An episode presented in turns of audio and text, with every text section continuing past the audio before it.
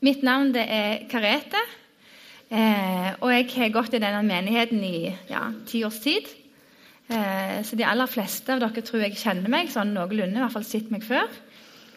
Eh, men jeg er blitt utfordra til å holde tale i dag i forhold til dette med Gud som vår far. Og det er utfordrende for meg å snakke om Gud som vår far.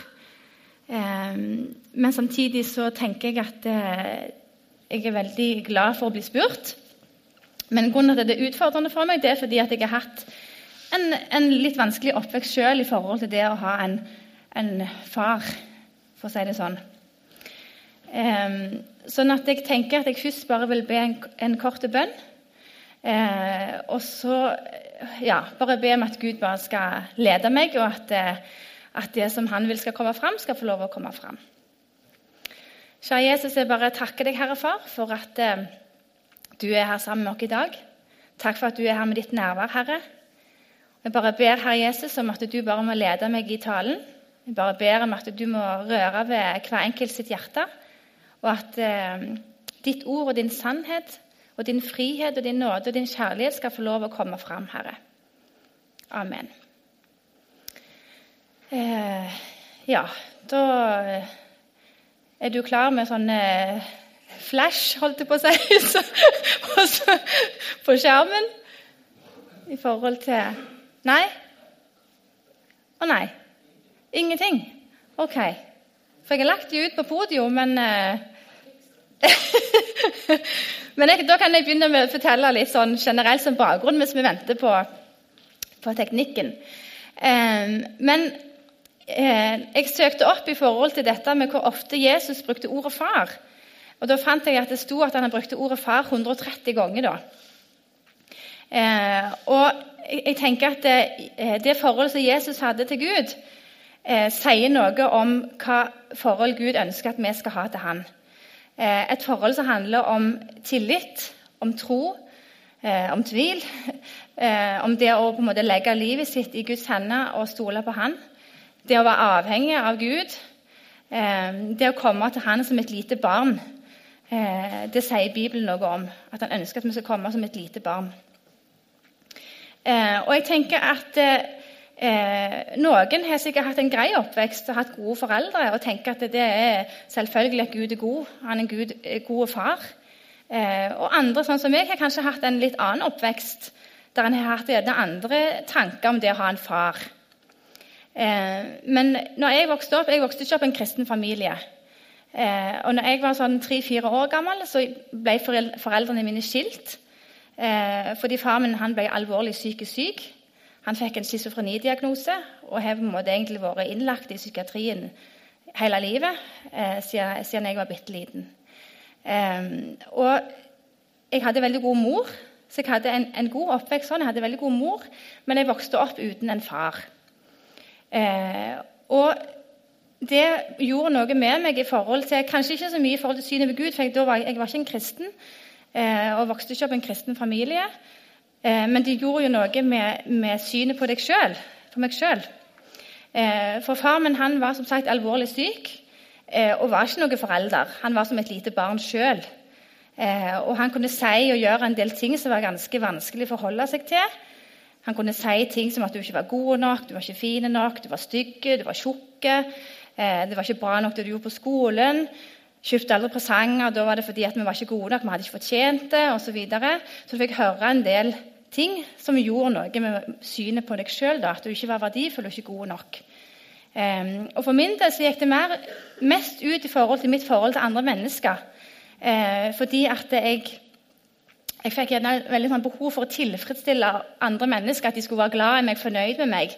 Ikke sant? Det er på en måte å streve etter andre menneskers aksept eh, og gjøre som andre vil. Eh, ja.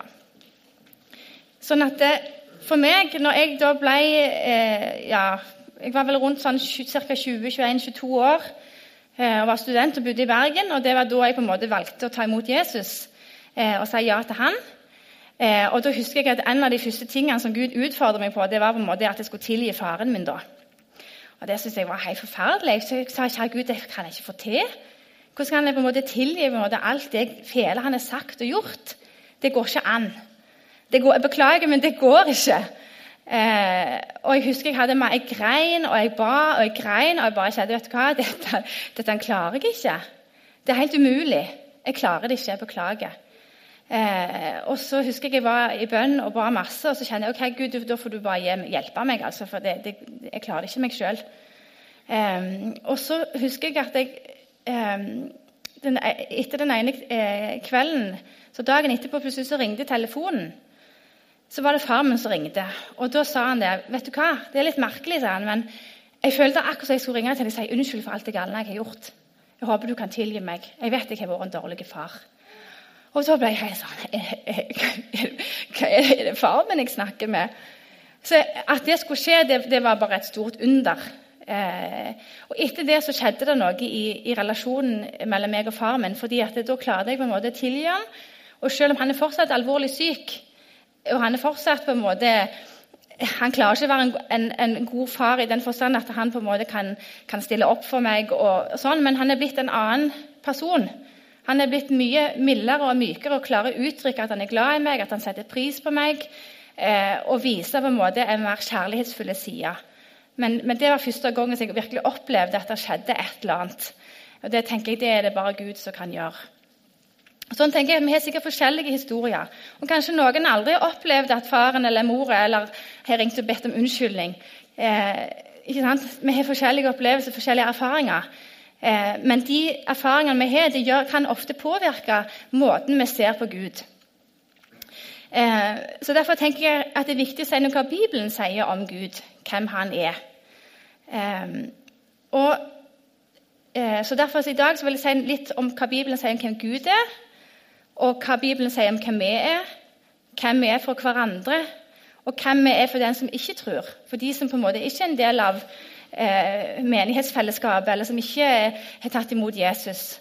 Som kanskje lever liv som, som, på en måte er utfordrende og vanskelig i forhold til det vi tror på. Um, ja. Da kan du gå videre på neste. Uh, og Da sier Bibelen at Gud han er kjærlighet. Eh, og I 1. Johannes 4, 8-16 eh, så, så, står det at Guds kjærlighet ble åpenbart for oss når Han sendte sin sønn til verden for at vi skulle ha liv ved Han. Og Det samme som Ylva leste i Johannes 3, 16, at så høyt til Gud elsker verden at han ga sin sønn den eneste, for at hver den som tror på han, ikke skal gå fortapt, men ha evig liv. Og I 1. Peter 5,7 kan vi jo lese om at Gud har omsorg for oss. Så Bibelen er veldig tydelig og klar på at Gud er kjærlighet. Han har omsorg for oss, han elsker oss, og han elsker oss faktisk så høyt at han var villig til å sende sin eneste sønn i døden for vår skyld. Um, og det er klart at For min del så, eh, så har jeg ikke strevd så veldig mye i forhold til med gudsbildet, fordi at jeg ikke vokste opp i en kristen familie. Så når jeg ble en kristen, på en måte, så gikk jeg liksom rett inn i dette og lese hva Bibelen sier om Gud. Um, og, så jeg har på en måte hatt en veldig sånn en, eh, tro på liksom at det Bibelen sier om Gud, det er det som er sannheten. At Guds ord er sannhet. Eh, og at Gud er kjærlighet, og at han elsker meg. Eh, men de tingene som, som jeg har strevd med, mer det i forhold til andre mennesker, som vi skal fortelle om litt mer om senere. Eh, men jeg tenker det at det, det, er så fantastisk stort at Gud han elsker hver enkelt like høyt. Uansett om du er en kristen eller en ikke-kristen. Uansett om du har levd et prektig liv eller ikke et prektig liv så er Guds kjærlighet for alle mennesker, og han elsker alle like høyt. Og Det tenker jeg på en måte er en sannhet som vi trenger å minne hverandre på, både i forhold til oss sjøl, i forhold til dere som menighet, men òg i forhold til de som ikke kjenner Jesus. Så kan du gå videre på neste, ja. Um, hvem er vi, ja? Uh, og Da har jeg lyst til å lese litt mer. Skal vi se um,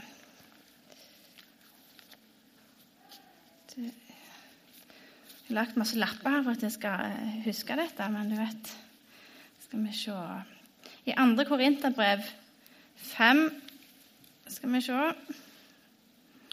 eh, jeg finne det Ja, for der står det I 2. Korinterbrev 5, 17 så står det at hvis, derfor, hvis noen er i Kristus, er han en ny skapning. Det gamle er borte. Se, det nye er blitt til. Og det er Når vi tar imot Jesus, så sier Gud at vi blir en ny skapning. Eh, og At det gamle er vekke, og det nye er blitt til.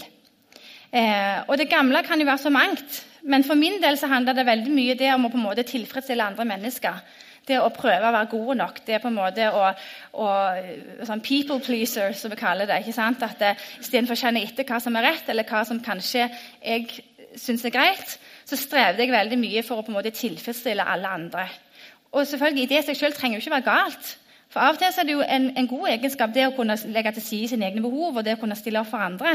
Men hvis du gjør det hele veien uten å kjenne ut på hva som er rett, eller hva Gud vil, eller hva som er godt eh, for deg, så, så, kan det bli veldig vanskelig og veldig tøft. Og du kan på en måte egentlig utslette deg sjøl litt. Um, men det som er så flott, er at Gud sier at i Kristus er det en ny skapning. Det gamle er borte, det nye er blitt til. Og Det tenker jeg er en prosess. Eh, litt sånn som var En som talte for to ganger siden, som snakket om dette at eh, vi kanskje i kristne sammenhenger ofte på en måte ikke er ærlige med hverandre. For vi, liksom, vi er jo nye skapninger, og, og, vi har ikke noen problemer. og alt er jo Det gamle er vekke, så vi sliter ikke med dette lenger. Og Det tenker jeg blir ikke bra og ikke sunt. For, for det, det, er en snakk om prosess.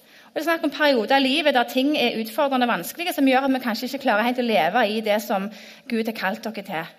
Um, men for min del i alle fall, så hadde jeg en periode da, litt seinere, når jeg bodde i Trondheim. Da var jeg med i en menighet som het Kristen Fellesskap. Der jeg virkelig fikk oppleve det at eh, jeg var god nok sånn som jeg var. Eh, og da husker jeg spesielt, Det var en sånn veldig merkelig opplevelse der jeg tenkte er det mulig, kan dette gå an? Men da husker jeg jeg lå og, eh, leste i Bibelen. Det var midt på vinteren. Og leste om dette med å bli forvandla og det å på en måte bli lik, mer og mer lik Jesus og være ny skapning og sånn. Eh, og så plutselig, mens jeg holdt på å lese om dette, så kom det en, sommerfugl ut av taklampa på, eh, på hybelen min. Og jeg bare Hæ? En sommerfugl midt på vinteren? Hvor kom den ifra? Jeg bare, her, altså, du lurer Står du syne, eller hva er det for noe? Og jeg opp i lampa for å sjekke liksom, er, er det noe her. Men det var en sommerfugl. Og så plutselig så forsvant den igjen. Og Da opplevde jeg på en måte at Gud talte til meg at det, vi er på en måte sånn, i en sånn kokong ikke sant? der på en måte det blir formet og dannet, gjort noe med oss som mennesker når vi er i Guds nærhet og Guds kjærlighet eh, og leser i, i Guds ord. Eh, og så plutselig så ut av det så kommer det en vakker sommerfugl. Eh, og det husker jeg talte veldig til meg. at eh, Wow, jeg er en vakker sommerfugl.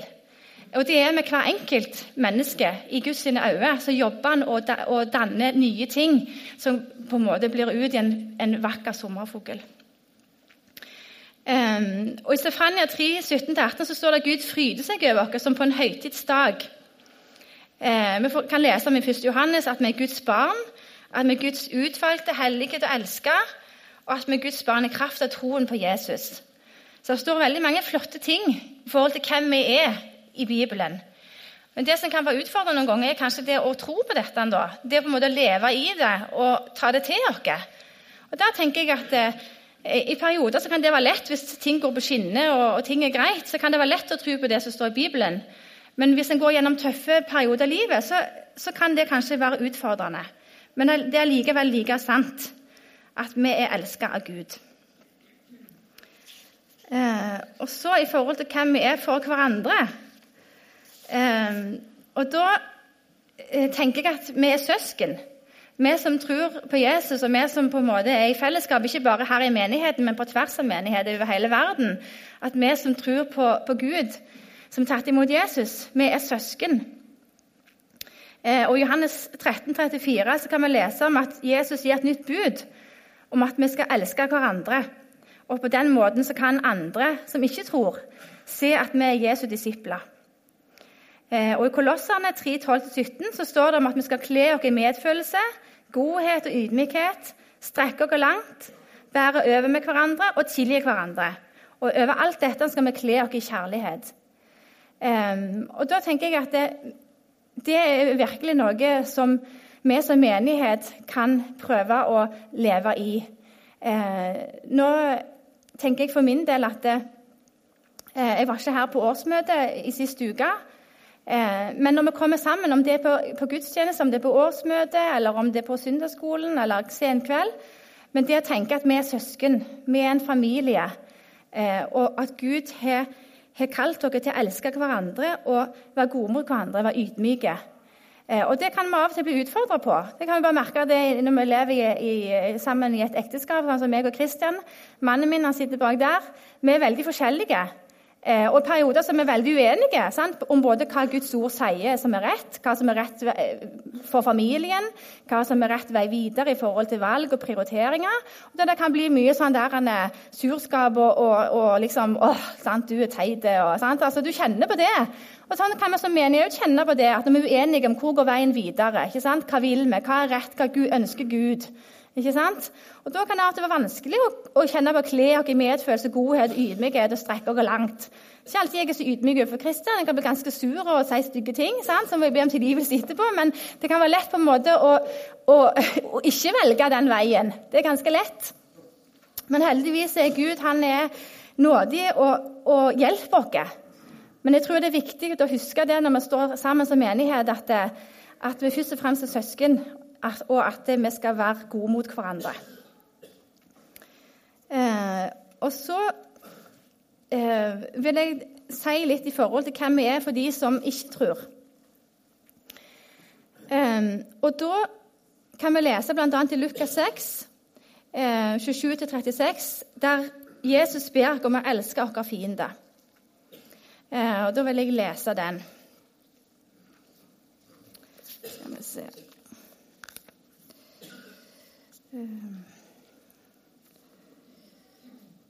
Skal vi se Elsk deres fiender. Men til dere som hører på meg, sier jeg, elsk deres fiender, gjør godt mot den som hater dere, velsign dem som forbanner dere, og ber for dem som krenker dere. Om noen slår deg på det ene kinnet, så, så by også det andre kinnet fram. Om en tar fra deg kappen, så nekt ham heller ikke skjorten.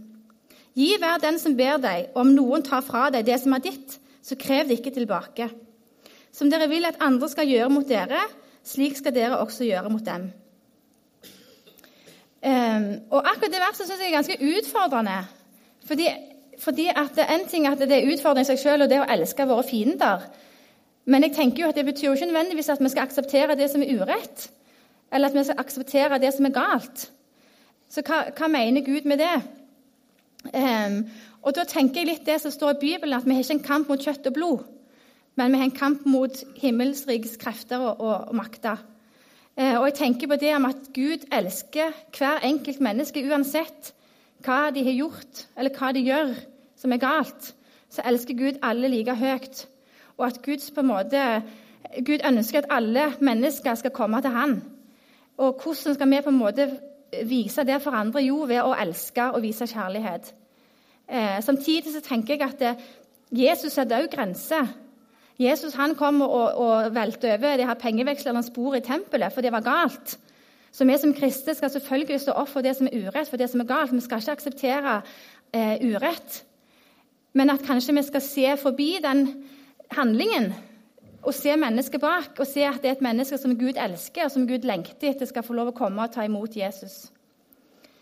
Um, og Det står òg i 2. Korinterbrev 5, 18-21 om forsoningens tjeneste. At Gud har kalt dere til å bringe forsoning. Til å på en måte rekke ut en hånd fra Gud eh, og si 'kom, ta imot Jesus'. Gud elsker deg. Uansett hva du har gjort, hva du kommer fra, så elsker Gud deg. Og Vi har mange eksempler i Bibelen på det. F.eks. Paulus. Eh, I Lukas 19 så står det om Sakkeus. Eh, og da sier Jesus Sakkeus, skynd deg ned, for i dag vil jeg gjeste ditt hus. Jeg vil, jeg vil hjem til deg.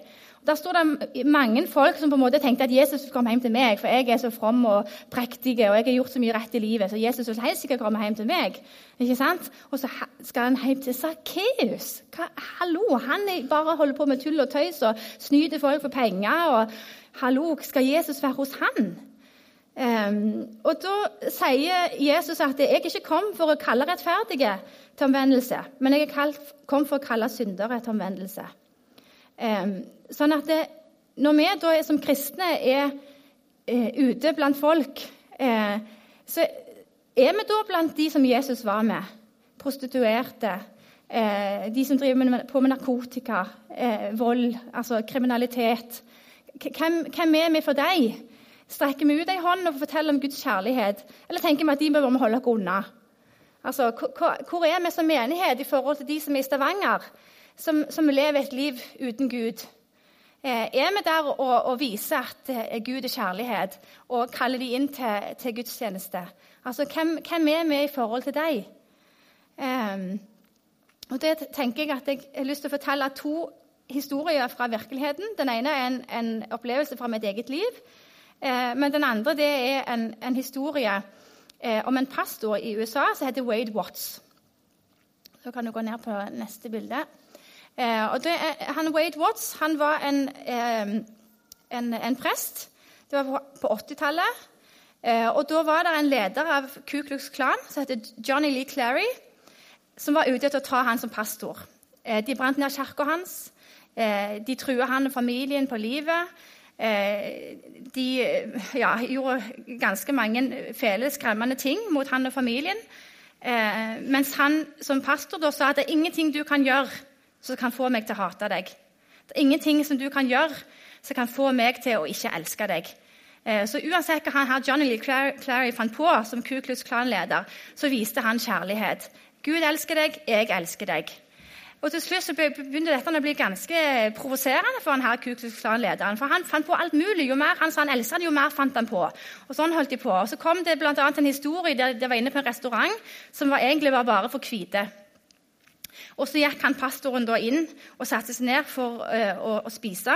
Og Så kommer han her John Leclery, med sin gjeng og sa at eh, nå skal du bare passe deg, for det som du gjør med den kyllingen som du sitter og spiser nå, det skal vi gjøre med deg. Da satt jo han pastoren klar med, med gaffel og kniv og skulle skjære i kyllingen. ikke sant? Så tar han pastoren tar kyllingen opp, og så, så kyssa han kyllingen. Og så begynte hele Ku Klux Klan å le. Og, du, og, og, han lederen bare 'Slutt å le!' liksom. 'Dette er ikke løye.' Så ja, han skal kysse deg, liksom. Så han, ha, ha, ha, Den så du ikke komme. sånn at det, det, var mange sånne episoder, og til slutt så, så tok han faktisk imot Jesus. Eh, og han, Nå døde han for to år siden, han, han Klan, tidligere Ku Klux Klan-leder. Men, men, han ble frelst, tok imot Jesus og reiste rundt på en måte og fortalte dem hva Jesus hadde gjort i livet hans, og hva Gud hadde gjort, og at han hadde blitt frelst. Eh, og, og, Han sa at det var første gang i livet han hadde opplevd kjærlighet. Eh, at noen elsket han.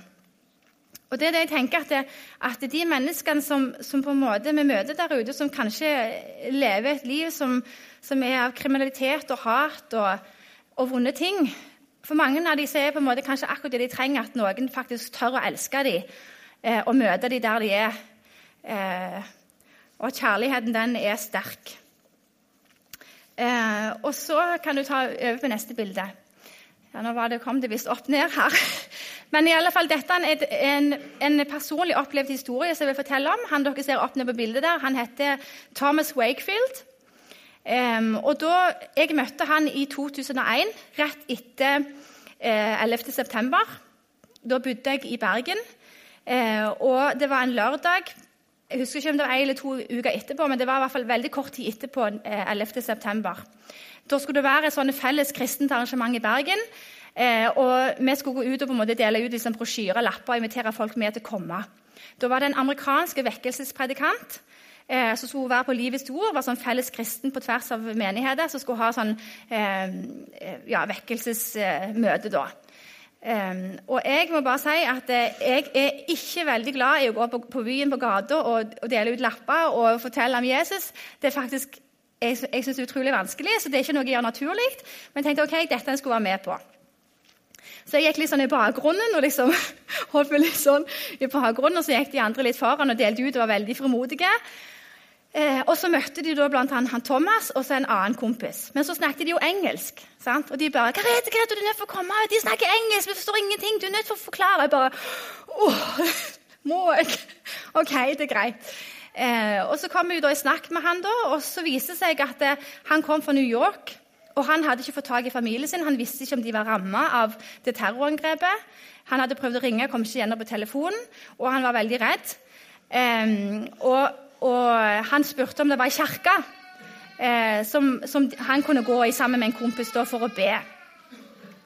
Og Så sa de at de var ikke kristne, men, men, men de ønsket å, å finne ei kirke. Så jeg viste dem ei kirke sånn, og så gikk jeg og så uh, liksom ferdig med det. Men når vi var ferdige på den runden vi går rundt og deler ut de her brosjyrene, så, så gikk meg og venninna og satte oss på en kafé. Og Da så jeg han og han andre eh, kameraten da, eh, som vi hadde snakket med tidligere. Så da gikk jeg bort og liksom Hei, liksom, takk for sist. og liksom, Hvordan gikk det? Og sånn og sånn. Og så kom jeg i snakk med de da. Eh, og etter hvert så viser vi litt rundt i Bergen og litt sånn. Men så begynte han å fortelle litt om livet sitt. Fortalte det at han var i, da, i marinen. Eh, men det var eh, ikke frivillig, det var en samfunnsstraff. Eh, så det var på en måte en slags sånn alternativ til fengsel. Eh, og Han fortalte, han sa ikke hva han hadde gjort, men han sa jeg har gjort mange, mange fæle ting i livet mitt. Eh, sånne, han sa ikke hva det var, men, men det er antakelig noe med kriminalitet. og jeg, jeg, kan ikke se for meg at Gud kan ville være med meg eller elske meg. Eh, for jeg er så fæl, jeg har gjort så mange fæle ting. Eh, og så sier jeg, vet du hva, akkurat i kveld Det var jammen flaks, men akkurat i kveld så er det faktisk en, en amerikansk sånn, pastor som er her i byen, som skal ha møte i kveld. Kan ikke du være med på det? Du er helt perfekt. Du, han snakker engelsk, det gjør du òg kunne ikke vært bedre. Så var det litt sånn Ja, de visste jo ikke helt det, og de skulle egentlig ut på byen. og liksom, Nei, nei, nei, ikke gå ut på byen. Det kan du gjøre hvor tid som helst. Men tenkt, det kan jo ikke være sammentreff at du er her, og han pastoren er her, og du treffer oss. Det kan ikke være tilfeldig. Dere er nødt til å være med på møte. Ja, ja, de fikk se det. Så. Dere møter opp der og der og der, og så skal jeg komme og treffe dere, så tar vi bussen sammen. Så når vi gikk hjem, da, så sier hun venninnen de kommer aldri til møte. Aldri i livet. Jo, det tror jeg de kommer til å gjøre, sier jeg. Selvfølgelig kommer de. Eh, og så møtte vi opp, da, og der sto de, begge to. Han andre var litt mer motvillig, for han ville egentlig ut på byen. Men vi fikk de for meg på bussen av gårde på Livets Ord og, og full gang. Eh, og han, Thomas da, han ble veldig møtt av Gud eh, på den gudstjenesten. Eh, og de reiste av gårde dagen etterpå videre på, på oppdrag eh, i den amerikanske eh, marinen. Men jeg fikk adressen, og vi skrev noen brev. Eh, og Da skrev vi veldig mye om hvem Gud var, og litt sånn, ja, delte evangeliet og, og sånn. Eh, og så husker jeg at det, det, siste brevet jeg fikk, der sto det på en måte det at han var ikke verdig til å skrive brev med meg. Han hadde gjort enda noen fæle ting. Eh, han fortjente ikke ditt, han fortjente ikke datt. Så jeg husker jeg hadde skrevet brevet med store bokstaver, men når det kom på slutten, så hadde han skrevet sitt eget navn med små bokstaver, så jeg fortjener ikke engang å skrive navnet mitt med store bokstaver. Så store synder er jeg. Og denne fortellingen forteller jeg til ungene mine med jevne mellomrom. Så tar vi fram brevene og viser bildene. og sånn. Og da sier de hver gang men mamma, du må jo fortelle han at Gud elsker han like mye som alle andre. Hallo! Det må jo han forstå, at han er like verdifull. Selvfølgelig kan han skrive navnet sitt med store bokstaver. Selvfølgelig. Um, og så, Etter han sendte meg det brevet, så hørte jeg aldri mer ifra han. Uh, jeg prøvde å sende noen flere brev og på en måte få kontakt, men hørte ikke noe mer. Uh, men så, for noen år siden så ble vi plutselig venner på Facebook. Og Da så jeg at han faktisk hadde blitt pastor i en menighet i USA. Så jeg tenkte bare Er det mulig? Um, og så Hvis du tar neste slide, så, så vil jeg bare vise dere en sånn link. For Han, han holder taler som han legger ut på YouTube. da. Uh, jeg vet ikke om den kommer opp. Ja. Um, hvis ikke så, så, kan de som er interessert, få en sånn link etterpå. hvis det ikke går. Men i alle fall så har han blitt pastor eh, og leder en menighet og har fått kone og unger og, og holder taler og legger ut på YouTube. Og jeg bare tenkte er Så fantastisk! Jeg aner ikke hva han har gjort i livet, eh, og hva han har møtt etter at vi da treftes i 2001. Men Gud har gjort noe i livet hans. Det er helt eh, sikkert og visst. Eh, og det tenker jeg, Sånn er det Gud er. At han kan møte hver enkelt, uansett hvem vi er, hvor vi er, hva vi har gjort. Så elsker Gud dere, og han kan gjøre store, store under i enkeltpersoner sitt liv.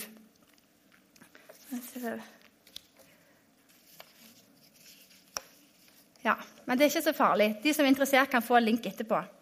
Så Derfor så vil jeg bare avslutte med å lese den samme salmen eh, som ble lest innledningsvis. Og Da står det i Salme 42-4.: Du er min hjelper og redningsmann. Jeg ventet og håpet på Herren. Han bøyde seg til meg og hørte mitt rop. Han dro meg opp av fordervelsens grav, opp av den dype gjørmen. Han satte mine føtter på fjell og lot meg gå med faste skritt. Han la i min munn en ny sang, en lovsang for vår Gud. Mange skal se det og frykte og sette seg lit til Herren. Og Det tenker jeg at Gud har gjort i Thomas sitt liv, i han tidligere Ku Klux Klan-lederen sitt liv. Og jeg tenker, Hvem er det vi kjenner i nabolaget eller på jobb eller der vi omgås, som er en sånn en Sakkeus, som er en sånn en Thomas Wakefield, som er en som på en måte har rota seg inn i, i noen vanskelige ting en ikke kommer seg ut av, som lever i kriminalitet eller rus eller, eller andre ting. Hvem, hvem, er det vi omgås med å kjenne, som trenger en hilsen fra Gud, som trenger å bli møtt av Guds kjærlighet? Um, og det tenker jeg at Gud kan være med å hjelpe oss å åpne øynene for å se de som trenger Han spesielt. Vi trenger alle Gud. Eh, men det er kanskje noen som, som trenger det ekstra for å få et nytt liv. Eh, og da vil jeg bare til slutt bare si en sånn enkel historie i forhold til vårt nabolag. Eh, for ca. et år siden så begynte meg og, og Kristian å be for en nabo eh, som har drevet en del med rus og kriminalitet, og som, som er litt sånn, eh, fra naboens perspektiv i borettslaget en som ikke vil ha noe med å gjøre. Eh, og vi ba for han, og jeg tenker det var ikke så lang tid, kanskje to-tre måneder. eller noe sånt. Så plutselig en dag når jeg kom hjem fra jobb, eh, litt sånn vondt i hodet og sliten en lang dag, så plutselig så står han på, på, parkeringsplassen og så kommer han bort til meg og sier han, du, jeg har så lyst til å snakke med deg. Eh, jeg føler liksom at, at, du Jobber du med mennesker? Så jeg bare Ja, jeg gjør det, liksom. Så ja, jeg er psykolog. Ja, jeg går over til psykolog. Ja, du vet, så Hvorfor det, sier jeg. Ja, du vet jeg holder på med rus og sånt noe, men jeg har slutta med det nå. Men jeg har så mye angst og, og sånn. Så, jeg bare, så kom vi liksom i snakk, og han fortalte på en måte at han hadde bodd på barnehjem og, siden han var 12-13 år. og med Mye familieproblemer og, og, rus og elendighet og kriminalitet og dårlige miljø og sånt noe. Og Så har vi på en måte fortsatt å be for han eh, og, og snakke med han og sånn.